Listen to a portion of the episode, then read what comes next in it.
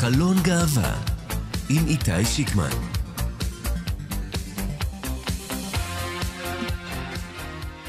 שלום לכם, שלום לכן, מאזינות ומאזיני כאן תרבות, חלון גאווה, אותה השעה, אבל יום חדש בשבוע שלכם במסגרת לוח השידורים החדש שלנו כאן, בכאן תרבות.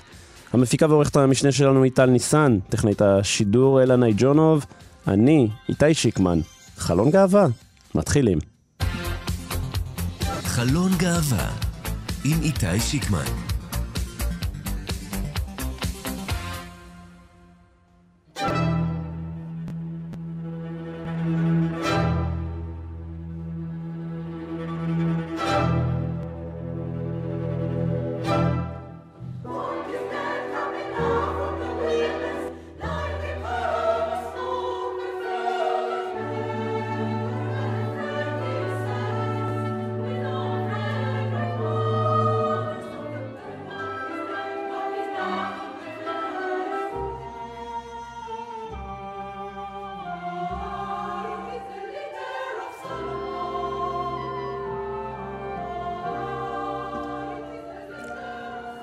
זו תזמורת הסימפונט רעננה, יחד עם מקהלת הנשים נווה שיר, בפסטיבל פליציה בלומנטל ב-2019.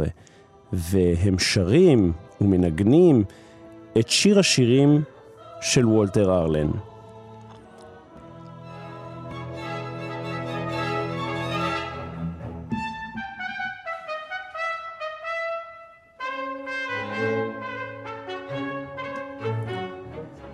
וולטר ארלן נפטר ביום שבת, והוא בן 103. חלקכם אולי מכירים את השם הזה, רבים כנראה לא. אם צפיתם בסרט התיעודי של נטפליקס, אלדורדו, כל מה שהנאצים שונאים, כנראה שנחשפתם לחלק קטן מהסיפור שלו. סיפור ההתאהבות הראשונה של נער בשנות ה-30 של המאה הקודמת בנער אחר. נער ובהמשך גבר הומו, מחוץ לארון, הרבה לפני שזה היה בטוח להיות כזה בפומבי. אם אפשר בכלל לומר שזה היום בטוח להיות כזה בפומבי. וולטר מת בשבת אחרי שהיה שגריר של ממש לקהילה הגאה, וכן גם שגריר של ממש לקהילת התרבות. מלחין, מבקר, איש אקדמיה. הוא נולד בווינה ב-1920 ונחשב לילד מחונן מוזיקלית. ב-1938, עם סיפוח אוסטריה לגרמניה, והלאמת החנות של משפחתו בידי הנאצים, וולטר נמלט לשיקגו. בהמשך היגר ללוס אנג'לס, למד, ובמהרה הפך למבקר מוזיקה מוכר של הלוס אנג'לס טיימס. הוא התיידד עם המלחינים הגדולים של המאה ה-20, כמו סטרווינסקי, וילה לובוס וצ'אבז, אבל על, על היצירות האישיות שלו החל לעבוד רק בשנות ה-80, עם פרישתו מהעיתון. רק בשנת 2008, קצת לפני יום הולדתו ה-88, הושמעו יצירותיו בפומבי. זה היה במסגרת ציון 70 שנה לכיבוש הגרמני על אוסטריה. קונצרט עם יצירותיו של ארלן נוגן במוזיאון היהודי של וינה. וולטר ארלן הותיר אחריו את בן זוגו ביותר מ-60 השנים האחרונות, האוורד מיירס, לו הוא נישא באופן רשמי בשנת 2013. המוזיקה היא שחיברה ביניהם, ומי שהכיר אותם תיאר את הזוגיות שלהם כבלתי נפרדת. את התוכנית הזו אנחנו נפתח בפרידה מאיש תרבות וגאווה. הנה עוד כמה צלילים מהיצירות שלו.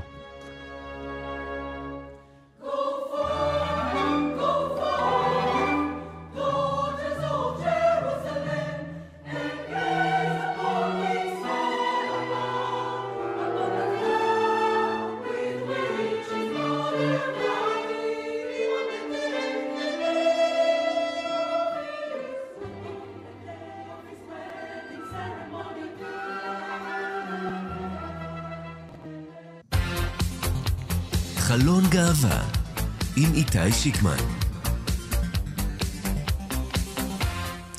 הספר פנגea הוא ספר הביקורים של המשוררת עמית זר. בכמה עשרות עמודים, השירים שבספר מספרים כמה סיפורים השזורים זה בזה, או שמא בעצם מספרים סיפור אחד. עמית זר, שלום.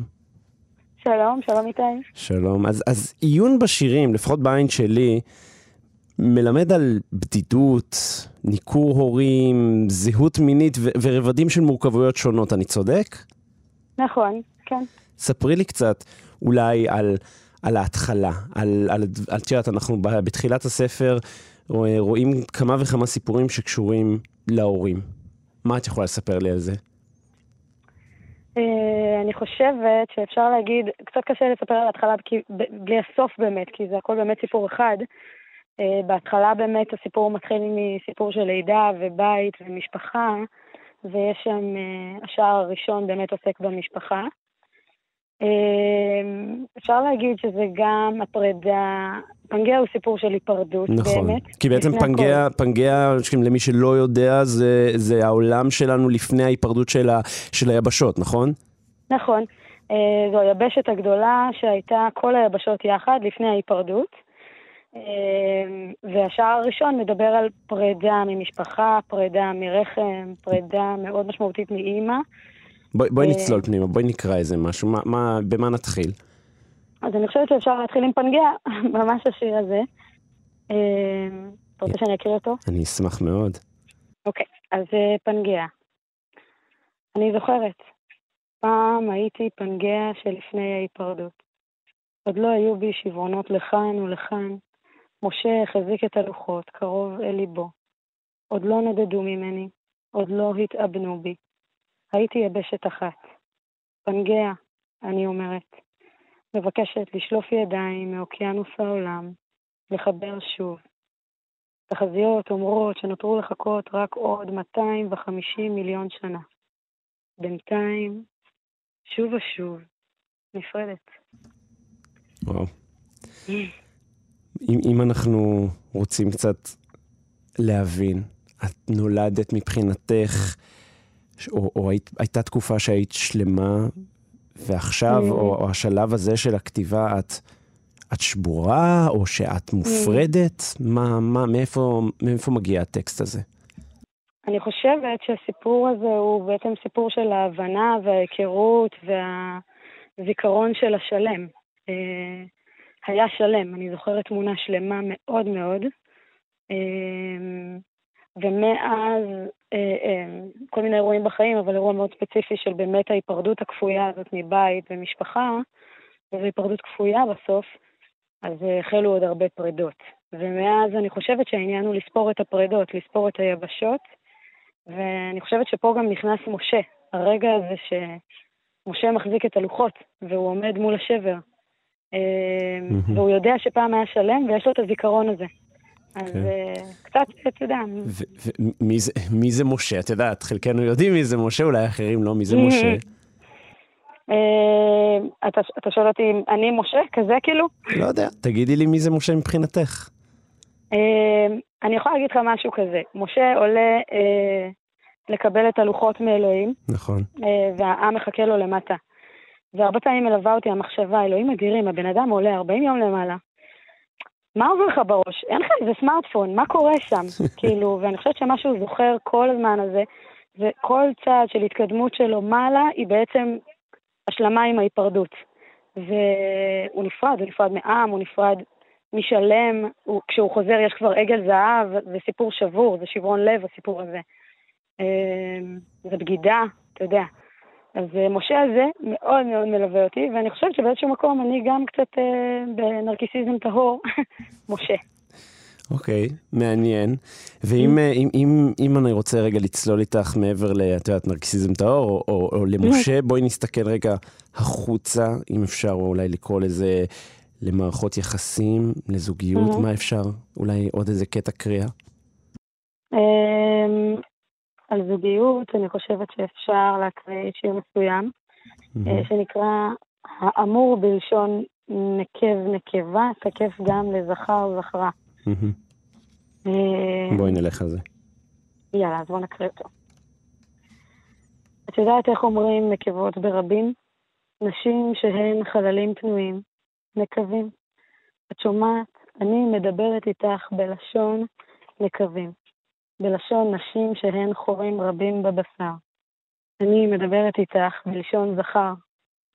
זוכר מלשון אתה מתהווה לכדי זכר.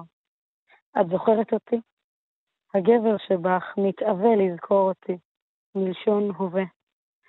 זכרתי אותך, אני זכרתי אותך בזכר שהייתי, בזכר שעודני. נקבת בשמך את בשרי.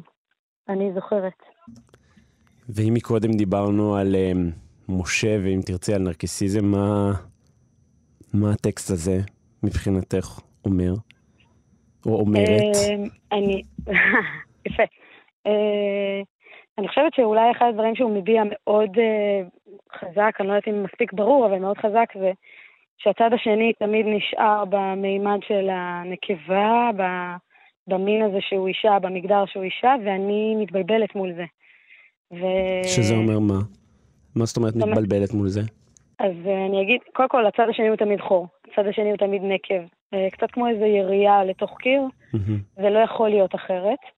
והצד שלי הוא, הוא גם, אה, הוא מתבלבל שם, מה אני, אני נקבה, אני זכר, והזכר כזיכרון, הזכר כזכר, כמצבה לנקבה, לחור הזה. איזושהי התכתבות בין השניים, וגם אובדן זהות בפנים, של מה אני מול זה. ואני חושבת שזה חלק מהעניין, שהחירות מאוד ברורה לי, הזהות של האחר מאוד ברורה, אבל מה אני בתוך זה, מעבר לעיווי, מעבר לרצון, אה, זה קצת אה, הזכר וקצת הנקב.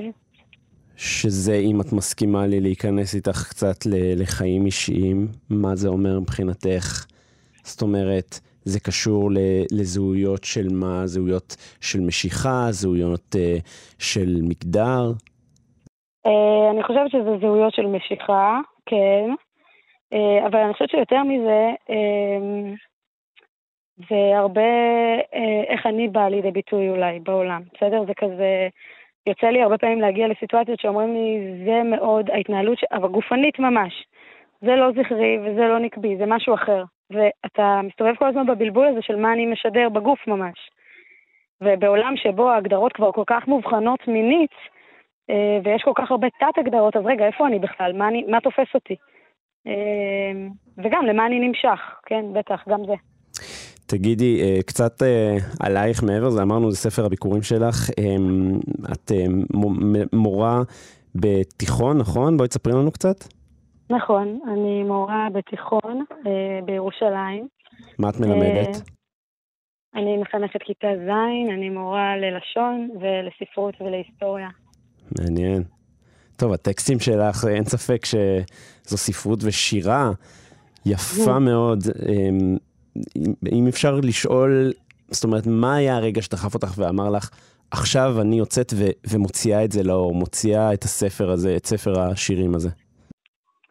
אני אגיד כזה דבר. פנגea הוא אמנם סיפור של, ישראל, של היפרדות מבית ומשפחה ומזוגיות ומכל האירוע הזה, כל מיני היפרדויות קטנות. אבל לאורך הדרך, מה שיפה זה שבתוך השבר הזה יש, אתה יודע, שבר של היבשות, משהו נכנס, יש מים, תמיד יש מים בין היבשות, mm-hmm. אין ואקום. ויש מים חיים מאוד, והמים החיים האלה זה, זה אותם אנשים שתמיד היו שם לאורך הדרך לומר, אולי ננסה, אולי בכל זאת.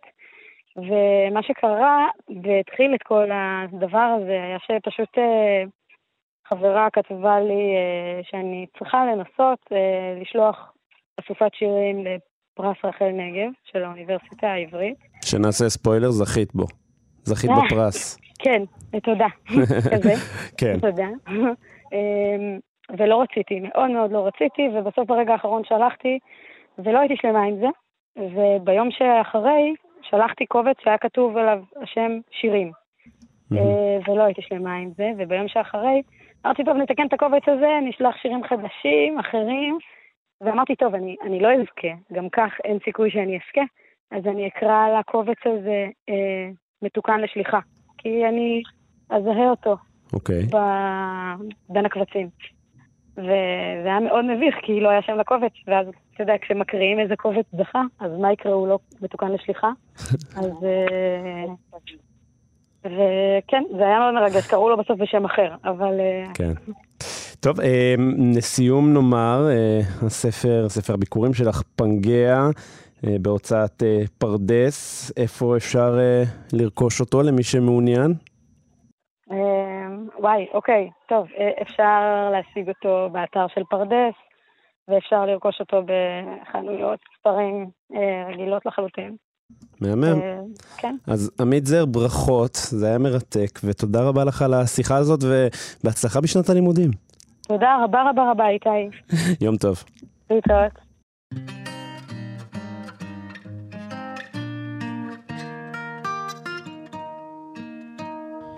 אבא שלי אוהב לטייל בעולם, אבא שלי בכל מקום הוא נרדם, אבא שלי אוהב ללבוש חליפה, אבא שלי תמיד בג'ינס וחולצה, אבא שלי הכי זהיר ודואג, מקפיץ אותי גבוה, כמו שאני אוהב. יש לי אבא אחד, יש לי אבא שני, ושניהם הם האבא שלי. אחד מצחיקן ושני רציני, ושניהם הם האבות שלי.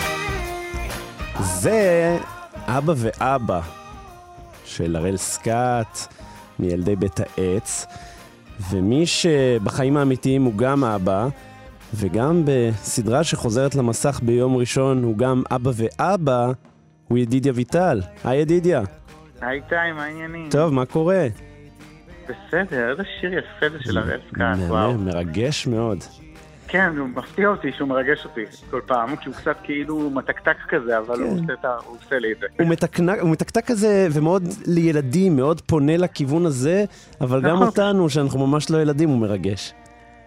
אני חושב שמה שמרגש אותי זה באמת משהו שהוא מנרמל לילדים את הפורמט המשפחתי הזה, והשיר הזה הוא גם שיר ילדים פשוט כזה, שנשמע ממש כמו שיר מפסטיבל ילדים שהיה יכול להיות לפני שנים גם, והוא פשוט מספר על, המשפח... על אבא ואבא. בפשטות כזאת, וזה באמת אה, קסם. מדהים, אז, אז אם מדברים על אבא ואבא, אז ממש ביום ראשון הקרוב חוזרת uh, למסך uh, העונה הרביעית בכאן חינוכית של הסדרה שאתה מככב בה, שקשוקה, נכון? שקשוקה, כן. יפה, אז מי שלא, מי שלא מכיר, נכון, סדרת ילדים שמבוססת על סדרות הספרים שקשוקה ואני מייקי של גליה עוז. נכון. ואתה, ש... כן, אתה מגלם שם את... המקורית. אני מגלם את מישל, אה, שהוא אבא של אפי. אפי היא אחת הילדות המרכזיות אה, בסדרה, זאת סדרה שיש לה כל מיני גיבורים ילדים וילדות, ואפי היא ילדה שיש לה אבא ואבא. אבא מישל, שהוא אני, ואבא מיכה, שהוא הקולגה שלי, ובסדרה הוא שותף לחיים. ו... וקצת כמו ש- שאמרתי על השיר הזה של הראל סקאט, אז גם, גם בסדרה זה מנורמל בצורה מאוד מאוד מאוד רגועה. כבר מהעונה הראשונה של הסדרה, וביום ראשון עולה העונה הרביעית, אה, לאחת הדמויות, אפי, יש אבא ואבא. אין שום פרק שמוקדש לזה, אין איזה עלילה שמספרת למה יש לה אבא ואבא, שום דבר. זאת אומרת, הדרמות הן הדרמות שקשורות לבית הספר, אה, ליחסים בין הילדים, לרגשות שלהם, ליחסים עם הורים, וכמו שלכל אחת מהדמויות יש אבא ואימא, אז יש דמויות גם רק עם אימא, ויש, דמו, ויש דמות עם אבא ואבא, וזה חלק מהנוף. זאת אומרת שאין כאן שום דבר שבא ואומר, היי, בואו נשים את הזרקור פה על האבא ואבא, על הסיפור שלהם, על איך זה קרה, אלא באים ואומרים, זה פשוט, זה פשוט זה, זה קיים. חלק מהחיים, לגמרי. זאת לא סדרה על זה. שקשוקה זאת סדרה שכל פעם תוקפת אה, נושא אחר נורא נורא רלוונטי לחיים האמיתיים של ילדים. אני חושב שזה הכוח שלה, ובגלל זה היא- ממשיכה כל כך הרבה, ואני אספר שכבר צילמנו בקיץ את עונות חמש ושש. די. יש הרבה עתיד, כן. או, וואו, חשיפה, פרסום ראשון כאן בתוכנית. אני לא יודע אם ראשון, אבל כן, יש מי שיופתע לטובה. כן. ואני חושב שזה כל כך מצליח בגלל זה, שזה באמת מביא את החיים של ילדים, עם המון הומור, אבל המון רגש. אבנר ברנהיימר ואסיה לבטוב, שהם היוצרים של הסדרה, עשו, עשו איזה... הם לקחו השראה מהספרים של גליה עוז, ראשונית בלבד. זה כבר מזמן, העלילות לא קשורות לספרים, ויש סיפורים שנורא קשורים לחיים, והכוח של... שהם עשו עם האבא והאבא האלה, עם הדמויות שאני ויורם דוידי מגלמים, זה שהם פשוט חלק מהנוף. לא מתעסקים במילה הומואים, אה, אבא, אבא גאה, הורות גאה. כי שוב, הקהל של הסדרה זה ילדים בני 6, 7, 8, גג 10, ו... אבל אני בטוח, היא- אני בטוח שזה, אתה יודע, אנחנו מסתכלים על, ה- על הצד החיובי, שזה פשוט מנורמל, זה שם, כי, כי זה באמת שם בחיים שלנו, כן? אנחנו כבר מדברים על, אפשר לומר, עשרות אלפי משפחות גאות אה, אה, במדינת ישראל, אה, בעולם בכלל, ועדיין, אתה יודע, אנחנו נמצאים אה, שנינו עכשיו אה, בפלטפורמה של כאן, כאן חינוכית, כאן תרבות, והאם קיבלת, או אתה יודע על איזה שהן תגובות פחות חיוביות על הנרמול הזה? אה, האם אני חוב... יודע על, תגוב... על, את יודעת, מספיק לפתוח חדשות כדי לפגוש דמויות שמקדישות כרגע את חייהם לפגוע בנרמול הזה, שלא לומר פשוט לפגוע בחופש. ואני מדבר ספציפית על הסדרה. אבל אני מדבר על הסדרה, אני חייב להודות שלא. אני מעולם, אני אישית מעולם עוד לא קיבלתי תגובה שלילית על, אה, על הדמויות בשקשוקה. כן. אולי בגלל שזו כזאת סדרה מקסימה, באמת קצת קשה להגיד משהו רע, הם הדמויות הכי מצחיקות וחמודות בסדרה. יש להם קונדיטוריה, אז יותר מתוק מזה אין. זאת אומרת, זה אבא ואבא שאופים אקלרים ומקרונים ועוגות כל היום. איך אתה אופה בחיים האמיתיים, ידידיה? בחיים, איך אני אופה? אני מבשל מעולה, לאפות זה לא התחביב. כאילו, הדיוק בכמויות של אפייה זה פחות התחום שאני חובב, אבל אני אוהב לבשל. הבנתי. אז אנחנו מוזמנים. תמיד, בואו לאכול איתי. בדיוק. אמ, תגיד, אה, אתה יודע, בסוף אתה כוכב ילדים וכוכב בכלל שמזהים אותך ברחוב, גם בהקשר של הסדרה הזו, כשילדים באים אליך. מה התגובות שאתה מקבל מהם, מהמתוקים הקטנים, בני 6 ו-7 אולי? כרגע אני מקבל בעיקר אה, תגובות כאלה שאומרים לי, היי, אתה אבא של אפי, איפה האבא שלי? כאילו, אין שום אה, שאלה מיוחדת בנושא. דבר יותר מרגש שכן קרה, למשל, שפתאום ניגשת אל הילדה ואומרת לי, היי, אתה אבא של אפי משקשוקה. ואז היא אומרת לי בגאווה, גם לי יש אבא ואבא, אתה יודע? מקסים. מרגישה, ואני רואה שהעיניים שלו נוצצות, ואני מאושר כמובן להגיד לה, כן, והנה זאת הבת שלי אורה, וגם לה יש אבא ואבא במציאות. אז היא אמרה, באמת? והיא הרגישה כזה אושר לדעת שגם במציאות אני חלק ממשפחת אבא ואבא. וזה ממש במפגש כזה, אתה רואה את, את, את הכוח של, ה, של הילדה הזאת, שיש לה אבא ואבא, קיבלה ייצוג בטלוויזיה. מדהים. והיא קיבלה תחושת קיימות ו, ו, ואהבה ומרחב ואפשור, וזה באמת הכוח של יצירה תרבותית uh, לעשות. זה דבר שהוא כוח חברתי אדיר. לגמרי. אתה יודע, ב...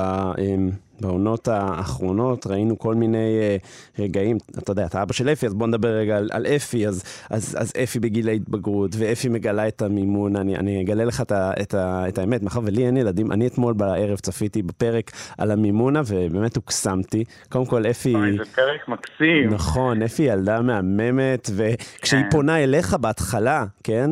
אה, פונה אליך, אה, לאבא מיכה בהתחלה, ואומרת לו, מדברת על המימונה, התגובה שלך, העיניים שלך, זה, זה price. Priceless, כן? אה, לגמרי. אבל הייתי רוצה, הייתי רוצה לדעת קצת, כמה שתוכל לספר לנו, בלי יותר מדי ספוילרים, אבל מה שתוכל, מה צפוי לנו בעונה הזאת? משהו? תן לנו משהו. אתה מתקיל אותי בגלל שצילמנו אותה לפני שנה, אז, אז אני צריך עכשיו להפעיל טוב טוב את הזיכרון. תקשיב, אני, גם ה... הנושאים שהסדרה נוגעת בהם המדהימים, אתה מזכיר את המימון, אז למשל פתאום עשו פרק שאבא מיכה, שהוא האבא השני, שהוא ממוצא מזרחי, מתבייש במימונה. והילדה מגלה שיש חג שהיא לא, שהיא לא יודעת למה הם לא חוגגים אותו. ופתאום מת, מת, מדברים על זה, על כאילו, על הדתיות, אבל בצורה כל כך כאילו אה, נעימה. אה, עוד פרק נורא משמעותי שהיה זה שהיה פרק שלם שמתעסק בסרטן. אה, אבא, אבא מישל, אני מגלה שיש לו נקודה חשודה. Mm-hmm. כזה נקודת חן שצריך לבדוק אותה, ומבינים שהיא סרטנית, אבל שצריך להסיר אותה. ופתאום הפחד מאולי לאבד הורה, והכל נורא נורא בעדינות, אבל זה... כן. זה, זה, זה, זה באמת הכוח של הסדרה הזאת, היא עושה את זה בצורה מופלאה. כן, וכמובן שהתבלבלתי מקודם, היא באה אליך אבא מישל, לא אבא מיכה, אבל לא משנה, אתה יודע, קורה. תיקנתי אותך, לא ישבתי איתך. אה, מהמם אתה, אין כמוך, אין כמוך. אה, ידידיה ויטל, אז אה, יום ראשון, כאן חינוכית, חוזרים בעונה רביעית של שקשוקה. כן, אנחנו נתראה גם בחמש ושש, ובקצב הזה שבע שמונה מעבר לפינה. מושלם, נמשיך עם אפי כל הדרך עד ל... עד, ל, עד לאן כן. שנגיע, עד לפנסיה שלכם. כבר מה זה גדלה. כן. אני רק אגיד שמיכאל אהרון שמשחקת את אפי התחילה אה, ב- לפני, בשנת 2020 לצלם איתי, הגיעה למותן, עכשיו היא כבר גבוהה ממני בראש והיא כדורסלנית. אז כמו שיעשו את שקשוקה סדרת נעורים, אבל לאפי יש גם אחות קטנה, קוראים לה אסתי. נכון. זה מה הדבר שקורה בעונה 4 אגב, לשאלתך, אסתי מקבלת יותר מקום, ויש דור חדש של ילדים בשקשוקה שמקבלים יותר אה, מרחב עלילתי. אז יש מלא מה לצפות. מושלם. אז יום ראשון, כאן חינוכית. ידידיה ויטל, תודה רבה לך על השיחה המרתקת הזאת. תודה איתי. להתראות. חלון גאווה עם איתי שיקמן כל כך שנאתי את זה שאני נמשכת לבנות שלא העזתי לספר לו לעצמי, לא חברות. אני זוכרת שבכיתי כל יום במשך לילות על הכרית שלי עד שנחנקתי מדמעות. ואימא שלי סיפרה לי שהיא מדמיינת אותי בשמלת כלה כנראה לא שלי. תמיד שנאתי שמאלות משאני קטנה מעדיפה את הגופיות שלי לא הייתי מבינה על מה הזמרים שרים וכמה שירים כבר אפשר לכתוב על אהבה מאז שבאת אל היפה שלי תראי אותי רואה אותך בכל מילה כתובה לא הייתי מבינה על מה כל הס... עדי הגיא, שלום, מה העניינים? מה קורה? איזה כיף. תקשיבי, זה, זה מתחיל בישר בבום בפרצוף שלך, השיר הזה, אה? כן, האמת שכן. גם אפילו לא שמנו אינטרו. כן. כאילו זה באמת מתחיל ישר, כן. מאיפה, זה די ברור מאיפה השיר הזה בא, אבל עדיין תספרי לי. אמ, אז השיר הזה, האמת, אה, נכתב בחלקים. חלק אה, כזה באמת בתהליך עוד היציאה מהארון שלי. והחלק השני של הבית השני והפזמון זה כבר אחרי שנכנסתי לזוגיות והדבר הזה קצת יותר אה, קיבל מקום אה, יציב בחיים שלי. אה, כן, וזה ככה הפאנל של הכתיבה והתהליך של השיר. תגידי, אמ, אני מנסה ככה להבין, כשאת מדברת על זה ששנאת את זה שאת נמשכת לבנות, מאיפה מהמם. איפה, איפה זה מתחיל? זאת אומרת, זה, זה, זה גיל נורא צעיר, 12-13 כזה? לא, לא, אז האמת שלא כזה. אה, זה הפעם הראשונה שאני זוכרת את עצמי שהבנתי את זה, סוג של הדחקתי את זה, אבל זה היה בגיל 16 וחצי, משהו כזה. ואתה יודע, פשוט הייתה לי כזה חברה, שכזה אני פתאום מרגישה איזה משהו שונה. מלחברה אחרת, וכזה יותר... הייתי מוכנה עכשיו לנסוע אליה גם שעה, שעה ובאוטו ובאוטובוסים, ו... וזה כאילו, אני מבינה שיש פה משהו שהוא, שהוא לא סביר, אמ, וזה ממשיך ופוגש אותי גם אחרי זה בצבא ובעוד מקומות, ואני פשוט, אה, אתה יודע, לא, לא אוהבת להרגיש את התחושה הזאת, כי לקח הרבה מאוד זמן עד שהייתי מוכנה להגיד לעצמי שזה באמת מה שאני מרגישה, אתה מבין? בהתחלה אני מספרת לעצמי שזה חברות, אבל היא קצת אחרת, והיא כזה, וכל פעם שאתה בעצם מרגיש את התחושה הזאת שהיא למעשה משיכה לכל דבר, אז זה, זה מאמת אותך מול הדבר הזה. כי בעצם השירים הראשונים שלך בשנים, אה, או אפשר לומר הש- השירים בשנים האחרונות, יש בהם רמיזה, אבל לא חשיפה כמו, כמו בשיר הזה, נכון? נכון, נכון.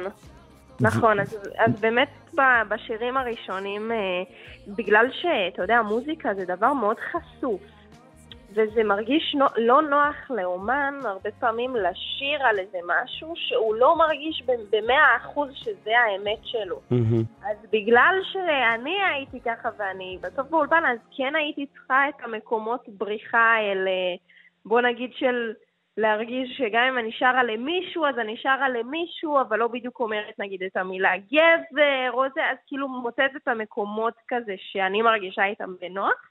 אה, ובאמת השיר הזה יצא אחרי שכבר הייתי בזוגיות, אה, אני כבר עכשיו, אני בזוגיות כמעט חצי שנה, שזו הזוגיות הראשונה שלי הרצינית עם מישהי. וכשהדבר הזה קרה, מהממת כפרה עליה. איך קוראים לה? אפשר, אפשר לומר? כן, קוראים לה שירה. שירה. יפה. כן. ואיך הכרתן? הכרנו, הכרנו באינסטגרם, אבל אה, כן, כן, אחי. זה... היא התחילה לא, איתך? זה היה משולב כזה. אוקיי, תמשיכי, סליחה, הפרעתי לך. אבל אני אומרת, כש... אמ, אני אומרת בסוף, כשזה קרה, אז הדבר הזה מאוד התייצב ונרגע אצלי בחיים, שיכולתי גם לכתוב את זה ולהוציא את זה פתאום בצורה שהיא כזה יותר אה, שלמה החוצה. כי לפני שאני מניחה שגם לך, עוד עד לפני ש... אתה ממש נכנס למערכת יחסים רצינית עם מישהו או מישהי, אז יש את הספקות האלה עוד גם לגבי עצמך, אתה מבין? נכון. אולי זה לא בדיוק כזה, אני לא, אולי אני גם, אולי... אז פתאום שהדבר הזה התייצב ממש, זה כזה היה כמו להקיא את זה החוצה. תגידי, אמ, כשאת יושבת, אה, את יודעת, כראפרית, את יוצרת וראפרית, את, נכון. אני, אני מרגיש שלפחות אצל ראפרים, באמת השירה היא הרבה יותר חשופה משיר שהוא כתוב בצורה אחרת, או בפופית, אה, או, או שיר שהוא פופ כזה, יותר גנרי. אני, כשמדברים על ראפרים, אתה ממש מרגיש כל מילה ומילה. את מסכימה איתי? אה, כן, אני מסכימה, זה יכול לבוא לידי ביטוי גם בשירים שהם שירים רגילים, אבל זה נכון שבעיקרון בראפ אנחנו פחות משתמשים בסיבובים, אלא ממש מדברים על הדבר עצמו. זאת אומרת, אני לא אדבר על תחושה כללית, אני אדבר על משהו מאוד מאוד מאוד ספציפי. אה, זה כן אה, מוטיב שחוזר בהרבה שירים. אמ, אחד מהשירים שלך, את יודעת, אני, אנחנו אמנם נמצאים פה בכאן תרבות, אבל אני גם כתב חדשות, והשבוע אני uh, הוקפצתי ביום שני, הייתי במערכת שלנו בירושלים, ואמרו לי, מהר, מהר, מהר, מונית תיקח אותך, תיקח אותך לנתב"ג, תעלה על מטוס, תטוס לקפריסין, ותסקר. שם את הפרשה המזעזעת של החשד לאונס קבוצתי שם. ואת כתבת גם שיר על תרבות האונס והאשמת הקורבן. מה את יכולה לספר לי על זה? Um, אני יכולה לספר לך שכן, זה קרה, אני כתבתי על המקרה של פרשת האונס באילת, שהייתה במלון uh, הים האדום, אם אני זוכרת נכון, באוגוסט 2020, שהייתה נקראת 30 על האחת. וכתבתי את זה שוב, בדיוק בגלל מה שאתה אומר, בגלל התופעה המזעזעת הזאת של uh, מה שנקרא האשמת הקורבן, uh, שלצערי עוד קורית uh, היום. אה, אז כתבתי שיר שממש אה, הוא, הוא מנקודת המבט של הגבר, על זה שהוא מאשים את האישה, על זה שהיא התלבשה צמוד, והיא כזה שיר שהוא מאוד מאוד קשה, ולצערי עדיין אה, רלוונטי, ולי זה שיר שמאוד מאוד קשה לשיר אותו, אני גם לא עברתי חוויה כזאת בעצמי, ואני פשוט נדהמת ומופתעת ומזעזעת לגלות שעדיין אנשים מבקשים שאני לא אוותר לשיר אותו בהופעות, גם נשים וגם uh, גברים. בגלל התופעה הזאת שלצערי עוד קיימת כן. בעולם. את יודעת, רצינו, רצינו לשמוע עכשיו, לסיים ככה ב, אולי במשהו חיובי ו- וכיפי והכל, אבל אני, אני חושב שיש חשיבות לשמוע את השיר הזה, אז תכף נשמע אותו, אבל אני רוצה לשמוע מתי יש לך הופעה, הופעות, מתי אנחנו יכולים לשמוע אותך. ואיפה? איזה כיף, איזה כיף, איתי. אז קודם כל אפשר לעקוב תמיד באינסטגרם, עדיה גיא, ובספוטיפיי, ובאמת בכל הפלטפורמות ביוטיוב. ויש לנו הופעה ממש קרובה, פתיחת שנה בנמל תל אביב, אה, במקום שנקרא בית היוצר, ב-21 לתשיעי, ביום חמישי. יש כרטיסים גם באתר בית היוצר, גם אצלי בלינק באינסטגרם, ואפשר לבוא בכיף. אז רוצו לשמוע, עדי הגיא יוצרת ראפרית, שיר חדש נמשכת לבנות, ושירים נוספים ומהממים. ממש ממש תודה לך. תודה לך, איתי. השבוע בהיסטוריה הלהט"בית. בחזרה לרגעים המשמעותיים בחיי הקהילה הגאה בארץ ובעולם. טל ניסן, שלום. שלום איתי. אז מה בפינתנו השבוע? אזהרת uh, כבד. נכון. אז היום אנחנו הולכים לציין 100 שנים להולדתה של רינה נתן, מי שידועה בתור האישה הטרנסית הראשונה בישראל, שעברה ניתוח להתאמה מגדרית. כן, כי הרבה, הרבה לא יודעים, יש הרבה שחושבים שהיו, בוא נאמר, אנשים שהיו אחריה, חושבים שהן הראשונות, אבל לא היא הראשונה. נכון, היא אוקיי. הראשונה. מה הסיפור שלה? אז רגע לפני שאנחנו צוללים לתוך הסיפור שלה, בוא נגיד שאזהרת טריגר למאזינות ולמאזינים, אנחנו הולכים לדבר פה גם על פגיעה עצמית, פיזית, אה, שהיא ביצעה בעצמה, וצריך, חשוב להכיר את זה. כן, צריך להיות מאוד זהירים. כן. אז הסיפור שלנו מתחיל לפני 100 שנים בדיוק, ב-8 בספטמבר 1923, בגרמניה. שם נולדה רינה נתן, אז עוד קראו לה גרשון. כבר בילדות שלה רינה הבינה שהיא אישה, הרגישה שהיא אישה וחיה כאישה. כן, עוד בימים שלפני העלייה של הנאצים, או תוך כדי העלייה של הנאצים לשלטון, כשאגב בגרמניה אז, שמענו מקודם על אה, וולטר, אז זה היה יחסית כן קיים. נכון, הייתה לזה איזושהי נראות כבר אז, באמת באירופה התחילה לאיזושהי נראות. Mm-hmm. אמ, אנחנו באמת, הזכרת את מלחמת העולם השנייה, אנחנו לא יודעים את הקורות שלה לעומק, כי היא לא כתבה שום דבר, אנחנו יודעים בעיקר מקרובי משפחה שלה ומחקרים שהתחקו אחרי זה, אבל אנחנו יודעים שהיא הייתה בצרפת בזמן המלחמה, היא למדה חקלאות, היא הצליחה לשרוד את המלחמה. Mm-hmm. אבא שלה ואח שלה ככל הנראה אה, נלקחו למחנות השמדה ונרצחו, mm-hmm. אימא שלה הצליחה לברוח והיא חיה בארצות הברית. Mm-hmm. אבל רינה, מיד בתום המלחמה, עולה לישראל, ועם ההשכלה החקלאית שלה היא רוצה להשתלב פה בעבודה בקיבוץ.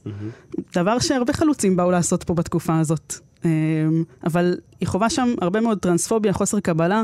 למרות הליברליות שאנחנו מייחסים לקיבוצניקים של אותה תקופה, היה שם קושי מאוד גדול אה, להצליח לתת לה מענה לצרכים שלה. כן, אני לא בטוח שבקיבוצים בעת הנוכחית אה, היו מק- מקבלים בכזו קלות אה, טרנסים אה, וטרנסיות. אני לא בטוח כמה טרנסים חיים בקיבוצים כיום. נכון. אני רוצה להאמין שהיום זה כבר נראה אחרת בגלל ה... התקופה שאנחנו חיים בה, כן. אה, והמודעות לזה והיכולת להתמודד עם זה, זאת באמת תקופה שעדיין בכלל לא ידעו להשתמש במילה טרנסג'נדר. או טרנסקסואל, לא הבינו בכלל מה זה אומר, אבל אני חושבת שהקיבוצים, אולי בגלל ההפרדה המגדרית שיש בלינה ובכל מיני דברים אחרים, אולי זה יצר איזשהו סדר ארגוני כזה, שהוא גם בעצם סדר מחשבתי, בינארי, אה, שהם הם לבסוף סילקו אותה, צריך להגיד, לא נתנו לה לחיות בקיבוצים. אה, מלחמת העצמאות, ממש אה, שנה, שנתיים אחר כך, היא משרתת בצבא, והיא חובשת.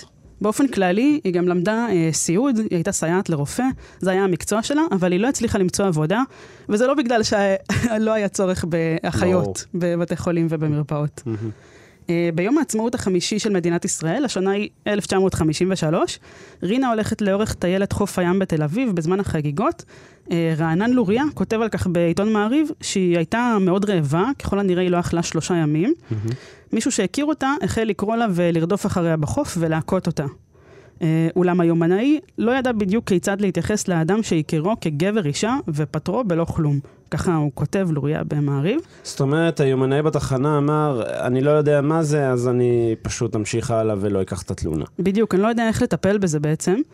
אה, הקצין האחראי שמע על זה יום למחרת, אה, כעס עליו וזימן אותה כן לנסות לעזור לה למצוא את הבן אדם שהכה אותה. מי יודע, מה, משטרת ישראל 1953 בסוף כן תפקדה, אולי. אולי. כן. היה לפחות איזשהו ניסיון לאורך כן. הדרך. המונח גבר אישה, הוא חוזר על עצמו אה, כמעט בכל קטעי העיתונות מהתקופה הזאת, ויש הרבה. אה, היא הצליחה לעורר הרבה מאוד אה, רעש. היא רצתה לעורר הרבה מאוד רעש, והיא ממש התאמצה כדי לעשות את זה. שזה מדהים, בשנת 1953 לעשות את זה. נכון. היא הבינה שבעצם הסיפור שלה מסקרן הרבה אנשים, וזה יכול לעזור לה. אה, כי בסך הכל מה היא רצתה? שינתחו אותה.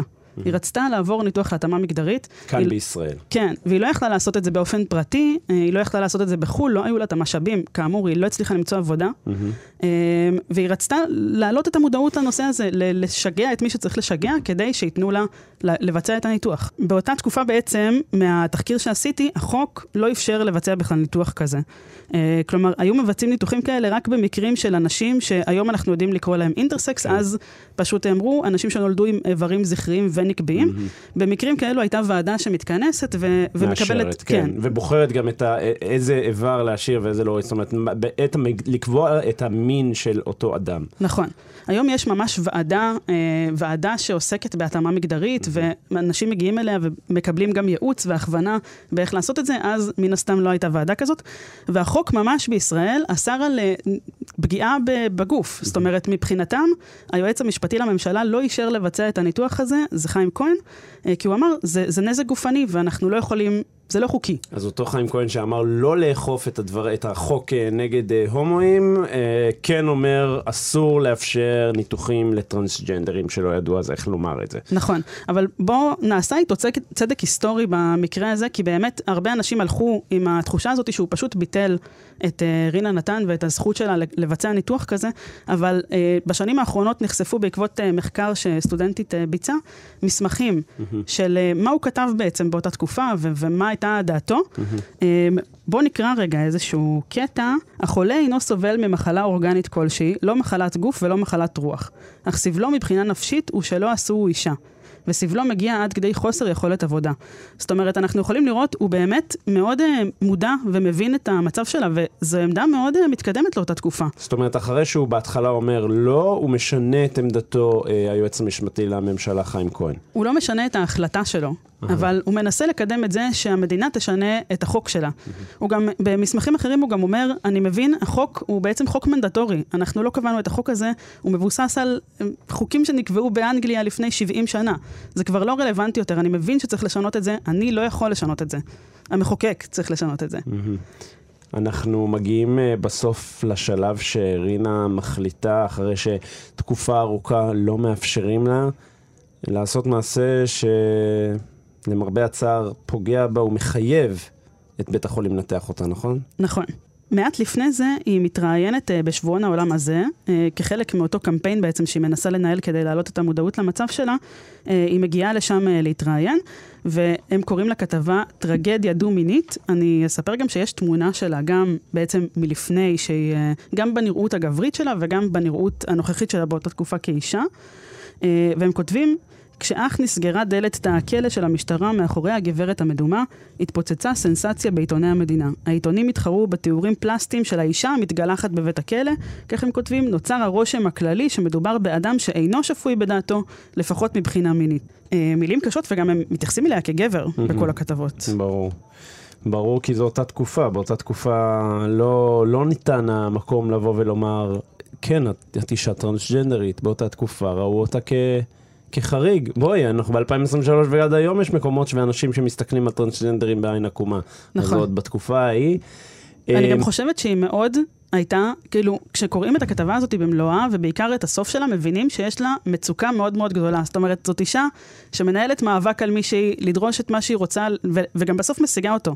אבל יש שם, מה שהיום אנחנו יודעים לקרוא לו דיספוריה מגדרית, מאוד מאוד נוכח שם. זאת אומרת, ה- ה- הקושי, הקונפליקט שנוצר לה בעקבות המגדר שהיא סווגה אליו בלידתה, אה, ומה שהיא מרגישה היום, זה באמת מערים עליה המון המון קשיים נפשיים, וזה נוכח. בואי נתקדם באמת לסוף הסיפור. אז היא באמת לא מצליחה לשכנע את הגורמים, לא הרפואיים ולא אה, במדינה, אה, לבצע ניתוח. לבסוף, היא פוגעת בעצמה. כן. אה, ו- ובעצם מביאה את בית החולים למצב שהוא לא יכול לא לנתח אותה. אה, והם אה, מחליטים אה, לבצע את הניתוח בסופו של דבר. אה, אבל אז היא יורדת מהארץ, נכון, כי היא פשוט לא מוצאת את עצמה כמה פה. שנים, שנה, שנתיים אחרי זה, היא כבר מבינה שאין לה יותר מה, מה לעשות פה, מעדיפה לחזור לגרמניה. אני מניחה, מהסיבות שאמרנו בהתחלה, יש שם יותר פתיחות, ואולי גם יותר סביבה שהיא מרגישה חלק ממנה, נכון, שייכת אליה. נכון, לפני ואחרי המלחמה, בטוח שלא תוך כדי. אה, היא אה, נפטרת, אה, היא נפטרה די צעירה, בשנת 1979, רק בת 55.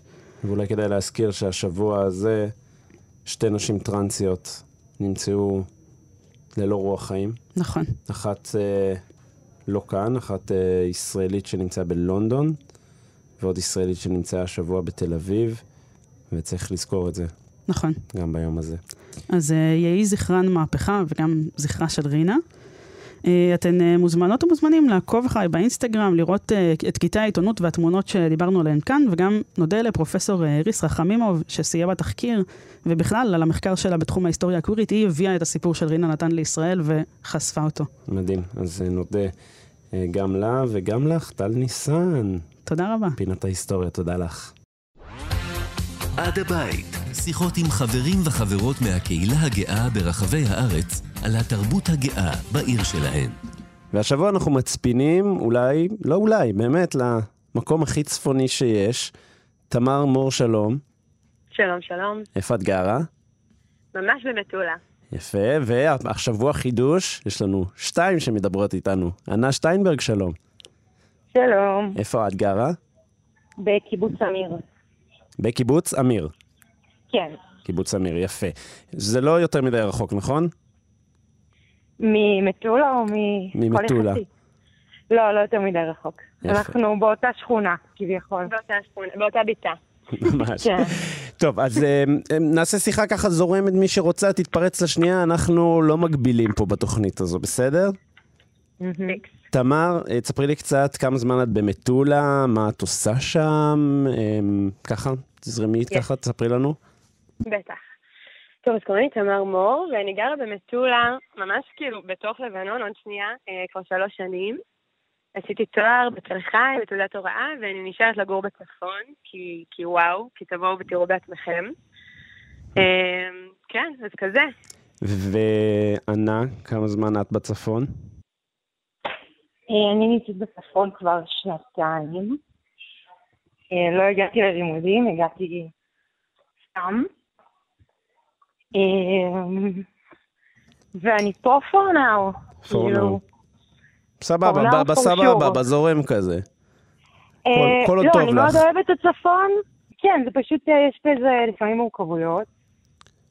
אז זהו, אולי, לא, אולי, אולי אה, תמר, תספרי לנו קצת מה את עושה בחיים, כי אני מבין שאת קשורה מאוד לעניין של רשויות מקומיות וקהילה גאה.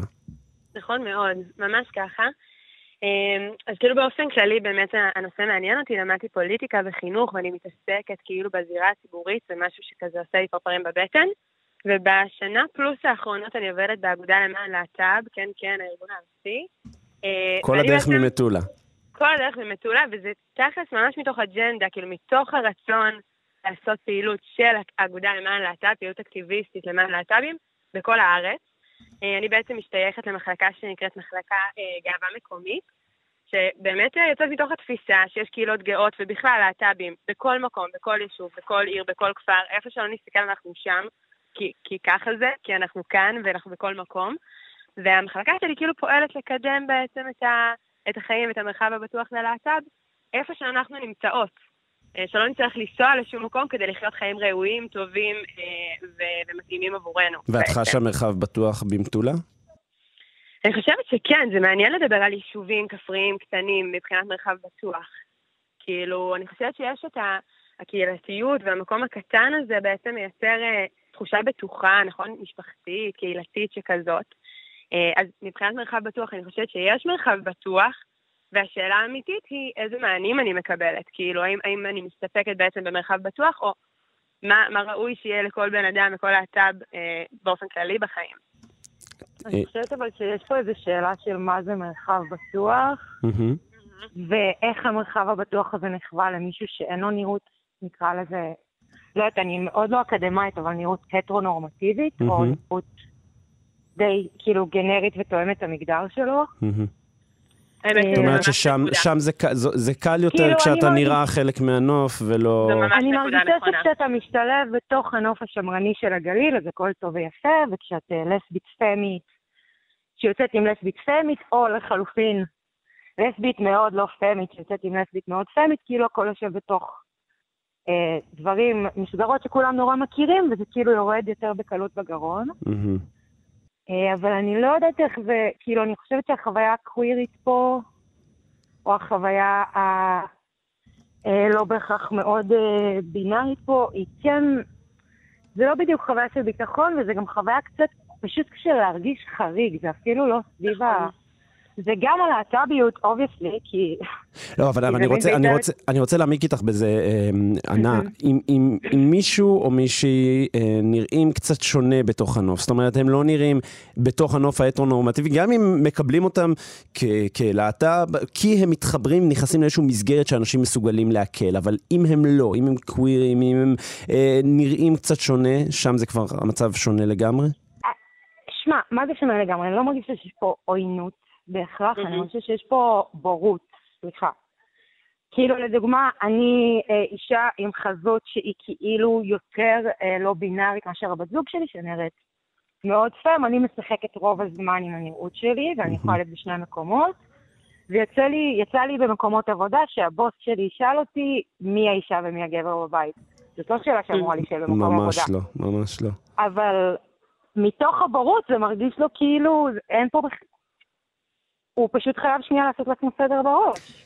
את יודעת, זה כי אנחנו... כדי שהכל יהיה ברור. בדיוק, אנחנו בני אדם באופן כללי מכניסים, מקבעים אנשים ומכניסים ומנתחים אנשים לפי איזושהי... לפי איזושהי מבניות שכזו. וברגע שמשהו בדיוק. לא נכנס למבנה הזה, אז, אז, אז מתחילות הבעיות. מתחילות הבעיות לאנשים שלא יודעים, שלא מנתחים ו- ו- ומגיבים בצורה שהיא לא תקינה. בדיוק, זה העניין. שכאילו אני מרגישה... וגם הנראות ה... כן. סליחה, תמר? סליחה, תמרי, כן. שאני רוצה להגיד שהנראות החריגה הזאת היא באמת, כאילו אולי באמת בגלל שאנחנו גרות כזה ממש בקצה של הארץ, אז, אז גם אין, אה, כאילו זה מין, נראה כמו מופע בודד בנוף, לצורך העניין. Mm-hmm. זה נראה כאילו בקריית שמונה, נניח תעתיתו, כאילו יש מישהו ספציפי, כאילו זה נותן איזושהי תחושה, כאילו המקרים הם פרטניים. כאילו אין קהילה גאה בגליל העליון, אלא יש כמה לסביות שגרות במטולה, ויש איזו אחת שאני מכירה מפה ומשם, כזה נגיד. וזה כאילו לא מייצר אולי את התחושה הזאת של הלכידות, של פשוט קהילה גאה מבוססת, עם שורשים בקרקע. וזהו, את מנסה, את מנסה לומר ש, שהקהילה הגאה בצפון, הרחוק, היא כן מבוססת עם שורשים בקרקע. כן, אבל משהו בכאילו אינטימיות הקהילתית הזאת, כאילו מייצר את האשליה שמדובר במקרים פרטניים בעצם, או שגם צריך להתייחס אליהם כמקרים פרטניים. אתה מעלה נגיד בעיני רוחך זוג הומואים לצורך העניין, אתה אומר, מה הבעיה? הנה, הוא עובד בזה, ההיא עובדת בהוא, סבבה, הם נראים לי שהם בסדר. אז כאילו התושבים יכולים להרשות לעצמם לחשוב בראש, אה, אני מכיר אותו, הוא בסדר, הוא אחלה, הוא מקבל את מה שהוא צריך. אין פה צורך לתת מענה שהוא נרחב, שהוא קהילתי, שהוא מוסדי, אצטרה אצטרה. הבנתי. טוב, עכשיו אני רוצה לקחת אתכן אה, לשאלון הקבוע שלנו, קצת נקליל את האווירה, אה, וכל אחת שתענה ככה בדבר הראשון שעולה לה לראש, אה, שתיתן את התשובה, לא לחשוב יותר מדי, אה, ואחת אחת, כן? אבל כאילו, ת, ת, תנסו לענות מהר, בסדר? אז קודם כל, קודם כל, מסיבה או חוג בית? מסיבה. הופה. נפלת על סקר הכניסטיות רציניות. הופה, אבל אתן צריכות לענות יותר מהר, לקח לכם רגע לחשוב על זה. אוקיי, אוקיי, אוקיי. אמ, איפה מכירים? אפליקציה או דרך חברים? דרך חברים. די, חשבתי עושים מאצ'ים עם אה, חבר'ה בלבנון. עושים, זה פשוט לא כל כך מתכנס. זה קורה פה ברמות. זה פשוט אין איך לממן. אה, כן, זו בעיה, ווואו, איזו קהילה גאה יש בלבנון, חבל, אם רק היינו פותחים את הגבול. זה יוצא נופח רומנטי ברמות. כאילו. כן, אה, טוב, יוצאים לתל אביב או סולדים מתל אביב? סולדים. סולדים מתל אביב, וואו, אתן הראשונות שאומרות לי... ענה יוצאת, ענה יוצאת. אני יוצאת. ענה מהיוצאות לתל אביב? אני תל אביבית, הייתי תל אביבית שש שנים. אז עדיין אוהבת. מאוד, מתה עליה. יפה, תמר סולדת. הבנתי. ושאלה אחרונה, וזו אולי שאלה מעניינת למי שנמצאות בפריפריה. דגל גאווה, תולות או לא? כן. הכי תולות, הכי תולות. זה הכי שם, אה? כן, זה, זה כן, הכי שם, כן. אנחנו רוצות לקלוט ושיהיה לנו את כל המרפסות שבעולם. השאלה זה מי רואה את הדגל מהמרפסת שלנו. טוב, לסיום, אה, שאלה כרגע על תרבות גאה שם. אתן עושות, יש אירועי תרבות, אירועים חברתיים, מה, מה עושים אה, כקהילה שם? אמ, אז בעצם התרבות הגאה פה קורית בכמה מישורים, שחלקם פורמליים וחלקם בלתי פורמליים. Uh, הפורמלי זה באמת הפעילות גם של האחווה הגאה, שיש לה נוכחות מאוד חזקה פה באזור. תל חי. בש... כן, של תל חי, וגם באמת התאים הגאים בתוך כל מועצה מתחילים גם להרים ראש ולהביא פעילות שהיא... היה פה מצעד הקיץ, שזה כאילו, זה היה היסטרי, זה היה היסטרי. כאילו, באמת הרשויות באזור בוחרות אה, ממש בזמן האחרון להשקיע ולתקצב ולפעול עבור הקהילה, ויש כאן שלושה רכזי להט"ב נכנסים ועוד באזור כאילו מסביב, וזה דבר מדהים ונפלא, כן. זה עדיין בחיתולים, זה עדיין בהתחלה ובהנאה, אבל זה נרגיש שמתחילה איזושהי תנועה חיובית מאוד. ובקצב טוב נראה. כן, כן. לגמרי, וגם יש את האוזן, שזה... נכון, את, את בעצם עובדת, נכון? כן. את, ענת עובדת, אה, מנהלת תוכן אומנותית אה, באוזן, נכון? כן, נכון. אוקיי, מושלם, בסדר. אנחנו, אנחנו, אנחנו ממש פשוט, אה, ככה, נגמר לנו הזמן, אז היה מרתק. תמר מור כן. ממטולה וענה שטיינברג מקיבוץ אמיר, תודה רבה לשתיכן. שמחנו, תודה רבה. ביי להתראות. ביי. להתראות. חלון גאווה עם איתי שיקמן. כאן סיימנו עוד תוכנית של חלון גאווה. נשוב בשבוע הבא ונזכיר לכם ולכן מעכשיו, אנחנו בימי חמישי, 11 בבוקר. המפיקה ועורכת המשנה היא טל ניסן, טכנאית השידור יאללה נייג'ונוב. אני איתי שיקמן, אומר לכם שלום, בגאווה.